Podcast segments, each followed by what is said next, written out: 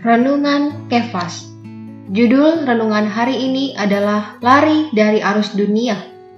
Ayat bacaan dari kitab Lukas pasal 21 ayat 34. Jagalah dirimu supaya hatimu jangan dibebani oleh pesta pora dan kemabukan serta kekhawatiran hidup sehari-hari.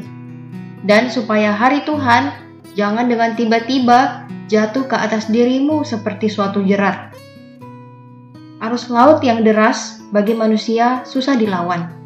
Perlu kekuatan untuk melawannya. Ketika ikan salmon melawan arus laut, dia memiliki kekuatan yang luar biasa, sehingga ikan salmon dapat melawannya. Ayat Lukas pasal 21 ayat 34 membantu kita untuk mengenal bahwa arus kejatuhan di bumi pada hari ini sangat kuat. Sebenarnya, Arus ini telah menjadi arus yang menghanyutkan segala sesuatu dan semua orang. Sebagai kaum beriman dalam Kristus, sulit sekali kita berdiri di tengah-tengah arus ini. Untuk berdiri, kita perlu berjaga-jaga dan berdoa setiap hari secara khusus, supaya kita dapat menerima kekuatan yang berasal dari hayat kebangkitan di dalam kita, guna melawan arus.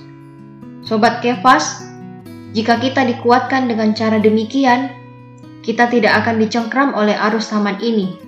Sebaliknya, kita akan penuh dengan Kristus dan unggul sebagai orang-orang yang dipenuhi dengan Kristus sebagai udara ilahi.